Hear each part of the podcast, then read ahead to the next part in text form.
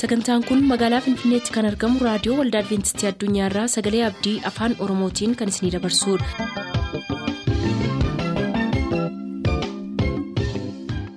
harka fuuni akkam jirtu dhaggeeffattoota keenya nagaan waaqayyoo bakka jirtan hundaati isiniif haa baay'atu jechaa sagantaan nuti har'a qabannee isiniif dhiyaannu sagantaa dhuga ba'umsaaf sagalee waaqayyoo ta'a gara sagantaa dhuga ba'umsaatti haa dabarru.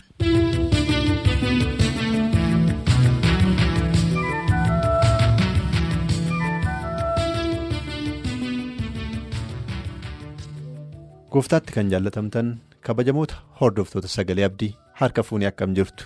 Sagantaan kun sagantaa dhuga ba'umsaati sagantaan dhuga ba'umsaa akkuma beekamu torbanitti guyyaa tokko kan dhiyaatudha. Torban lamaan darbe obbo booruu galgee wajjin gaaffiif deebii jalqabnee turre. Obbo booruun raadiyoo kana dhaggeeffachuudhaan ture.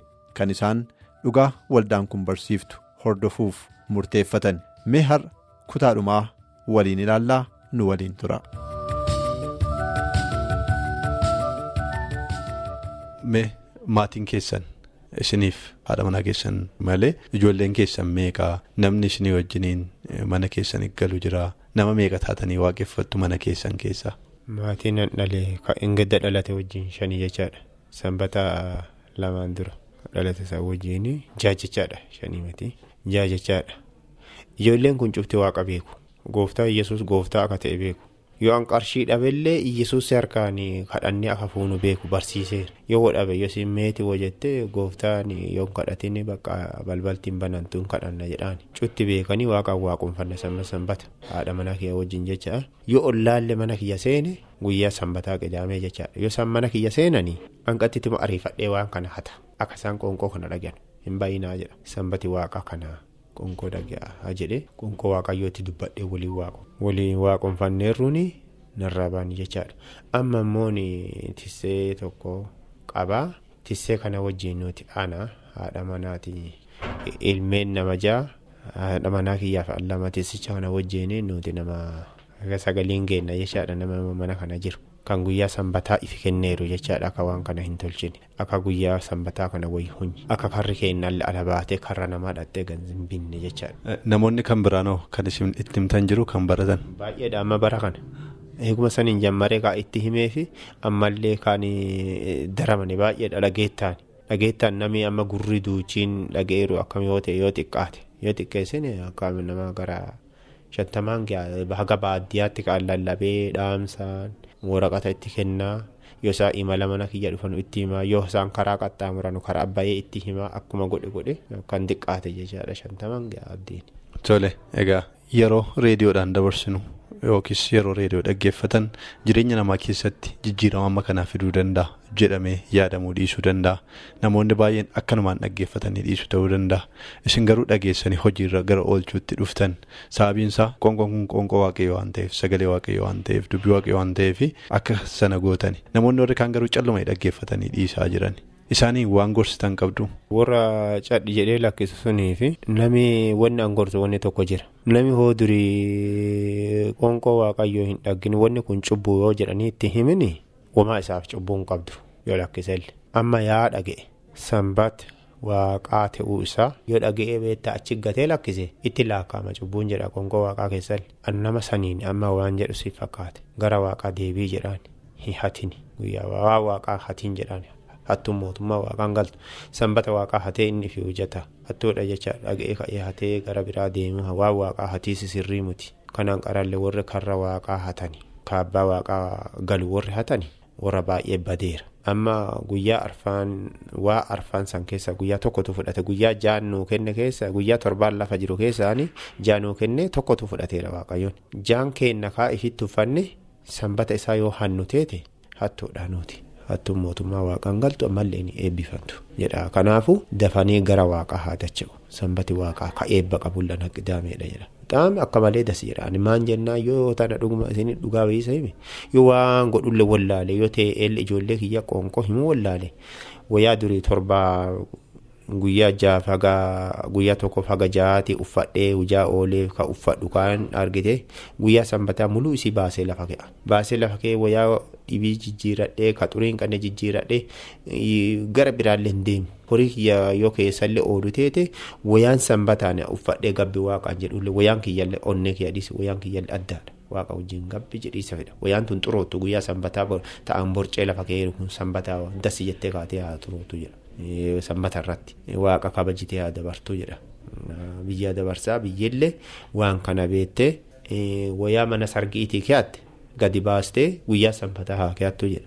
warri akkuma Itoophiyaa keessaa beekamutti guyyaa du'aatii fi guyyaa sargii wayaan kaayyatan ka dhibiidha. Wayaa isaanii guyyaa sanbataatii haa kaayyatan jedha gonggoo waaqaallee wayaan kan kee yeroo cufa yoo na dura dhaabbattu adii haateetu mataa kirraan dhadhaan dibatiin dhabamin waan jedhuufi guyyaa kanaaf haa fudhatan jedhaan addee sargiif du'aa kaayyatan. Tole baay'ee gaariidha. Egaan kabajamoota dhaggeeffattoota keenyaa gaaffiif deebiin obbo Booruu Galgee wajjiniin goone kana fakkaata. Obbo Boruun reediyoo erga dhaggeeffatanii booda tarkaanfii waggaa ja'a qofaa isaanii fudhataniini maatii isaanii waliin qofa waaqayyoo waaqeffataa kan turan yeroo ta'u dhuma waggaa ja'a irratti garuu gara kutaa reediyoo keenyaatti bilbilanii nu wajjiniin wal arguudhaan waggaa amma kanaaf qofaatti adda bahee waaqayyoo waaqeffataan ture jedhanii erga nutti himanii booddee yoo nuyi isaan gaafannu gara biyya kanaa dhufnee akka wangeela isaaniif lallabnu waan hayyama isaanii ta'ee fi gara biyya kanaa dhufnee. Isaaniin arginee namoota amma argannetti wangeelas lallabnee deebineera. Egaa obbo Boruun akka kanatti amantii jalqaban maalirraan akka isaan ga'anii yoo jaalala waaqayyoo ta'e yeroo kan biraa haasofsiifnee qabannee kan isiniif dhiyaannu yommuu ta'u amma garuu magaalaa Bulee Horaatti sababii kanaan waldaan Adventistii jalqabuusaa namoota dhaggeeffatan hundumaa beeksisaa turtii nu waliin qabaattaniif isin haa eebbisu jecha. Maqaa dhaggeeffattootaatiin obbo Booruu Galgeetiif maatii isaanii waaqayyo haa eebbisuu jenna nagaatti. Waldaaddee tangaraa kootarsaas jaalladha. Waaddee taan addaan si baafaadde naaf addaadha. Waldaaddee tangaraa kootarsaas jaalladha. Waaddee taan addaan si baafaadde naaf addaadha.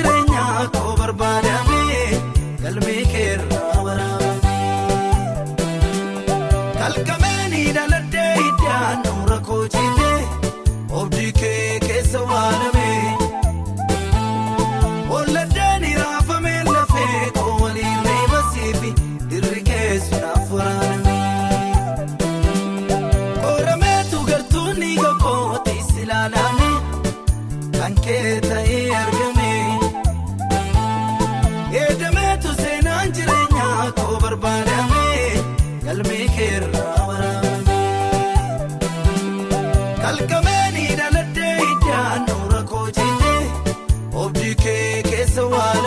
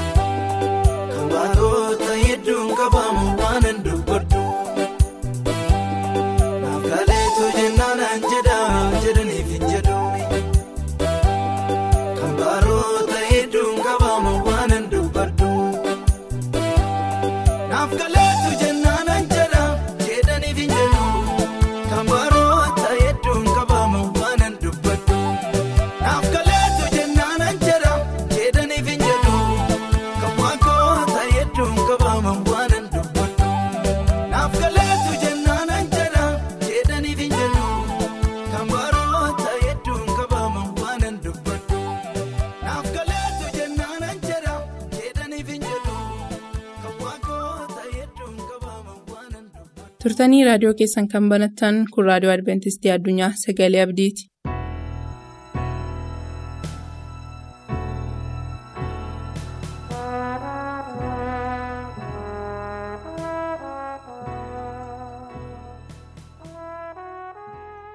Akkam jirtu dhaggeeffattoota sagalee abdii gooftaa keenya yesuusiin gaarii goneen galateeffannaa ayyaanni waaqayyoos bakka bakka isin jirtanitti tokko tokko keessaniif haa baay'atu araarri waaqayyoof ayyaanni waaqayyoo hunduma keessanii wajjinaa ta'u. Gooftaan keenya jireenya tokko tokko keenyaa qopheessee fuula isaa duratti maaddii qulqullaa'aadhaaf yeroo gaarii nuuf qopheessuudhaan gara isaa dhufnee isarraa akka barannuuf ayyaana nu laateef galanni isaaf haa ta'u. Mee gara gooftaan keenya sagalee isaa nuuf kennee keessatti gara sanatti darbineetu waliin ilaalin. Mataa keenya gadi qabannee kadhanna. jaalala bara baraatiin kan nu jaallatte teessoo bara baraarra kan jiraattu abbaa hundumaa dandeessu hirree fayyisuu keef jaalala keef gochaa keef arjummaa keef. Gooftaa taatee waaqaaf lafa irratti gooftaa mo'uu keetiif bara baraan maqaan kee eebbifamu jaallatamaa abbaa qulqulluu waaqa israa'el. Nu ilaalta ijoollee kee bakka bakka jirrutti. Gadda garaa keenyaan beektaa hawwii keenya beektaa gooftaa keenyaa hir'uu keenya beektaa dadhaboota ta'uu keenya beektaa gooftaa keenyaa dadhabbii keenyatti ayyaanni kee akka nuu raawwatamuuf jaalala kee haa ta'u.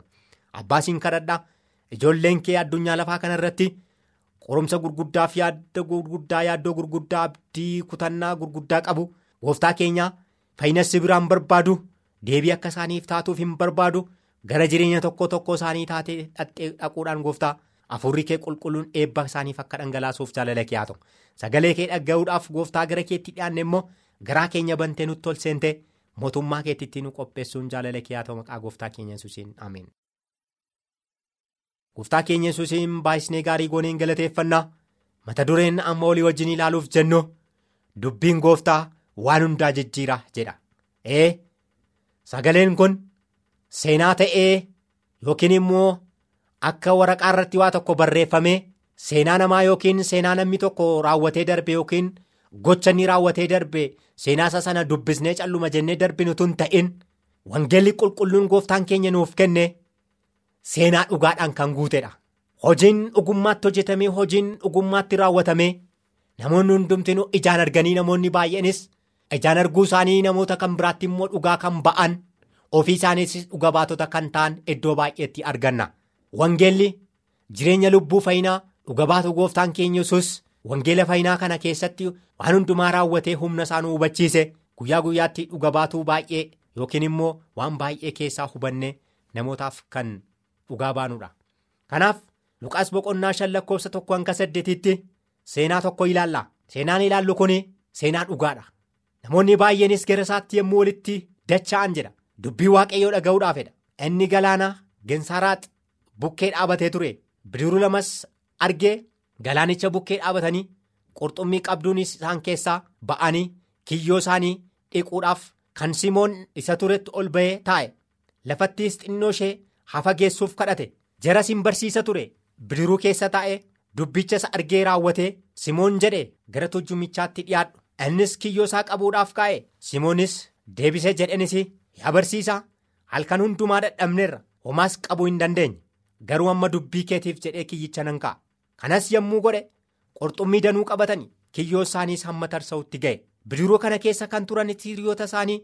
Harkaan hawwatanii isaaniin gargaaranuufis dhufanii bidiruu lamaanus guutanii hamma liqinfamanutti simeen phexros kana yommuu arge jilba yesus irratti kufee akkana jedha natti fagaadhu yaa gooftaa ani nama cubbamaadha jedhe as keessatti seenaan nuyi argannu namoonni kun jireenya bultoo isaaniitiif halkan guutuu galaana gooftaan keenya isaan biratti arge bira dhaabatanii utuu jiranii gooftaan keenya yesus utuu isaan dadhabanii. Otuu isaan baay'ee jireenyi isaanii hundumtinuu abdii kutannaan guutee jiru galaana Geensaaraat kan jedhamu bira dhaabatanii utuu isaan yaaddaanii gooftaan keenya yesus namoota kanatti ba'a. Namoota kanatti yeroo ba'u rakkina isaanii hin argee hin hubate utuu isaan itti himin bira ga'e ee ogummaa qurxummii qabu akka qaban beeka gooftaan keenya yesus Isaanis ogummaa kanaan kan beekamanidha. Keessumaa immoo namni guyyaa guyyaatti jireenya bultoo isaatiif bu'ee bahee kan olii gadi fiigaa ooluudha dhaggeeffatoota.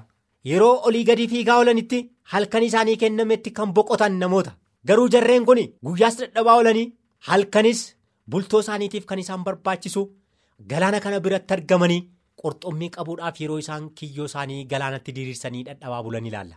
etuu isaan achi itti qorraan nyaatamanii diilallaan nyaatamanii diilalla galaanaa keessatti olii gadi qorri isaan leejjisee qorri isaan caccabsee qorri isaan miidheetu jiru achumatti lafti isaanitti bari'e. Gooftaan keenya yesuusii kataf jedhee isaan biraa ba'e. Gooftaan yeroo isaanii birmate rakkina isaanii isaan itti matanii miti. Gooftaan keenya yesus biyya lafaa kana yeroo dhufe hojii wangeelaa hojjechuuti ogummaan isaa waan ta'eef namoota rakkinaan guutaman kana bira dhaqe. Yeroo dhaqu gaddaan qabamanii yookiin fuulli isaanii gurraacha'ee dhadhabbiidhaan guutamanii utuu jiranii arge. Yeroo argu mekiyyoo keessan fidaa. Karuma jirtan kana gadi buusaa karuma jirtan kana galaana keessa qurxummii qabuu barbaaddu waan taataniif mekiyyoo keessan galaanuma kanatti gadi buusaa jedhe. Galaanatti gadi buusuudhaaf yaada isaaniituun qopheeffatiin hin folorru. Nutu halkan guutuu dadhabaa bulle halkan guutuu karuma ati nuun jettu kana gadi buusnee hin dhabne ati immoo maal dubbattu yookiin maal nutti himta nutoo waa tokko argachuu hin dandeenye. Gooftaan keenya kallattiiwuma isaan ittiin gadi buusanii dhaban gooftaan kallattii isaan jijjiiru waan ta'eef dinqii gochuudhaaf achumaan gadi buusaa jedhe achumaan yeroo gadi buusanii qorxummii baay'een kiyyoo isaanii guutanii argamani. Yeroo guutanii argamanii isaan nama yartuu waan ta'aniif galaana keessaa ol gotuutu dadhabanii kiyyechis hamma tarsa'utti ga'e jedha sagaleen waaqayyo qurxummiidhaan guute hamma tarsa'utti ga'edha hamma dho'utti ga'edha. Isaan kiyyoo isaanii otuu ol harkisaa jiranii namooti yookiin hiriyoonni isaanii gara baddaa jiru waan ta'eef kottaa nu gargaaraa dhadhabneerraa isa eda barbaadaa bulle kiyyoon keenya qurxummiidhaan guuteera. Kottaa hamma hin dadhabneeti. Kottaa nu gargaaraa jedhanii harkaan hawwatan jedha sagaleen waaqayyo gooftaan keenya waan hundumaa jijjiira. Seenaa isaanii jijjiire. Qurxummiin sun eebba jireenya isaaniiti. Gooftaan keenya yesuus qodaa duwwaa ta'e guutuu godha. Jireenya duwwaa ta'e gooftaan keenya yesuus guutuu taasisa.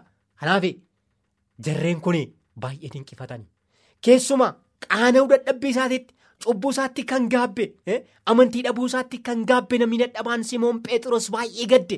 amantii kiristoos yeroo ilaale hinnee haa ta'uyyuu malee. Ilma waaqayyoo kana hojii isaa hundumaa ilaale annama miti eda. As karaanni jedhe kana gadi buusee kanan dhabe. Kun maaliif ta'e jedhe? Ofitti deebi'e of qori of ilaale. Fuula waaqee duratti of madaale. Dadhabaa ta'uusaa of hubate. Akkanaan dadhabaa buluun isaanii kiristoosiin ala adeemuu isaanii argisiisa. Yaa dhaggeeffatoota kiristoosiin ala deemuun jireenya duwwaadha kiristoosiin ala deemuun duwwaa jireenya namaa nama godha. Ija naman taasisu. Nama firee qabu naman taasisu nama eebbaa naman taasisu duwwaa nama taasisa. Duwwaa nama taasisuu isaarraa gadda nama baachisa. Abdii kutannaa nama baachisa. Fuula namaa gurraachessa yaada namaa cabsa. Lubbuu namaa gadi qaba. Kanaaf gooftaa malee adeemuun gooftaa utuu of duran buufatin hojii hojjetan hundumaa keessatti gooftaan akka nama dura bu'uufi humna waaqayyoo qabaachuusa dandeettii cimaa qabaachuusa. Waaqaaf lafa irratti gooftummaa qabaachuusaa wallaalanii kiristoosiin ala deemuun rakkinaaf nama saaxila. Kanaaf Maariqoos boqonnaa shan lakkoofsa 25 hanga 29tti achi nadhittiin tokko turtee dhiigni ishee kan dhangala'e waggaa kudha lamaa jalqabe ogeessota baay'eenaanis guddaa dadhabde horii ishee hundumaas bittimsite hoomaas bu'aan arganne ittumaayyuu itti hammaata ture malee. Waa'ee yesus yommuu dhageesse namoota keessaa gara dugda isaa duubaan dhufte uffata isaa tuqxe jetteetti yoo uffata isaa duwwaa yoon tuqe nan fayya. Achumaanis burqaan dhiiga ishee goge namummaa isheettis beektee dhukkuba isheetti akka fayyite jedha. Galanni waaqayyoof haa ta'u. Baay'ee nama dhiba nadhittiin kun waggaa kudha lama jedha umurii nama tokko. Hamma kana dhiphatteedha. Dhiigni ishee keessaa dhangala'u guyyaa guyyaatti akka lolaa gaaraa yookiin akka bishaanii ture. Kanaan waggaa kudha lama guutuu dhiphachaa rakkachaa hin turte gooftaan gaafa ishee yaadatu isheen biraa ba'e rakkina ishee hin ilaale keessumaa gara ogeessota baay'ee dhaxxee hin dadhabdi horii ishee hin dhangalaafti sanuma keessaa yommuu fayyinaan argattu ittiyyuu itti hammaata turedha. Tokkoffaa fayyinaan arganne lammataa horii isheetti nafne qabeenyaa ishee hin bittimsite gooftaan. Tola kan nama fayyisu tola kan nama ilaalu tola kan nama gargaaru. Gooftaan gatii namarra kan hin barbaanne. Gooftaan yeroo isaa eegee isheen biraa ba'e ishee biraa yenoo ba'e. Gooftaan ishee yaadate isheenis hin fayyite. Kanaaf isheenis hin beekte gooftaan yesus akka ishee fayyise. Nama galataa taate. Kanaaf gooftaa keenya yesuusiin ala deemuun fayyinaaf nama qopheessu. Gooftaa keenya of keessaa qabaanne bara baraan fayyuu akka dandeenyuuf namoota eebbaa akka taanuuf guutuu jireenyaa akka qabaannuuf waaqayyo hunduma keenyaa gargaaruuf naqasaatiin amiin. Sagantaa keenyatti akka gammaddan abdachaa har'aaf kan jenne xumurreerra bor sagantaa faarfannaa qabannee isiniif dhiyaanna beellama keessan nu waliin godhadhaa jechaa nuuf barreessuu kan barbaadaniif ammoo lakkoofsa saanduqa poostaa dhibbaaf 45 finfinnee lakkoofsa saanduqa poostaa dhibbaaf 45 finfinnee.